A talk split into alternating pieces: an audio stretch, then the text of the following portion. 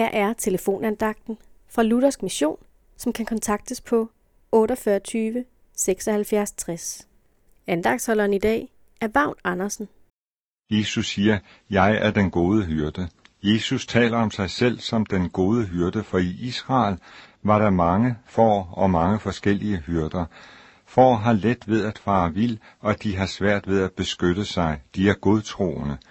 Jesus er den gode hyrde, og han sagde, inden det skete, den gode hyrde sætter sit liv til for forerne.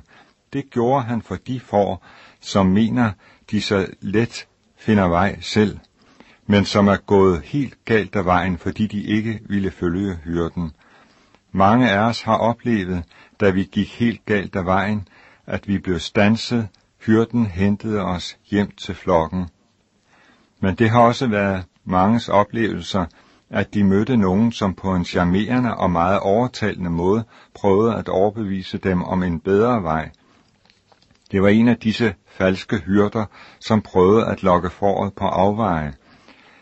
Er du blevet lokket på afveje af en falsk hyrde, så vend om og søg hjælp i tide hos den gode hyrde, som ønsker at hjælpe dig, så du også når målet, det evige liv, sammen med Jesus, som sagde, Menneskesønnen er kommet for at opsøge og frelse det fortabte, og han sagde, Jeg er den gode hyrde, han har omsorg for os, tro på Jesus, så har du evigt liv. Amen.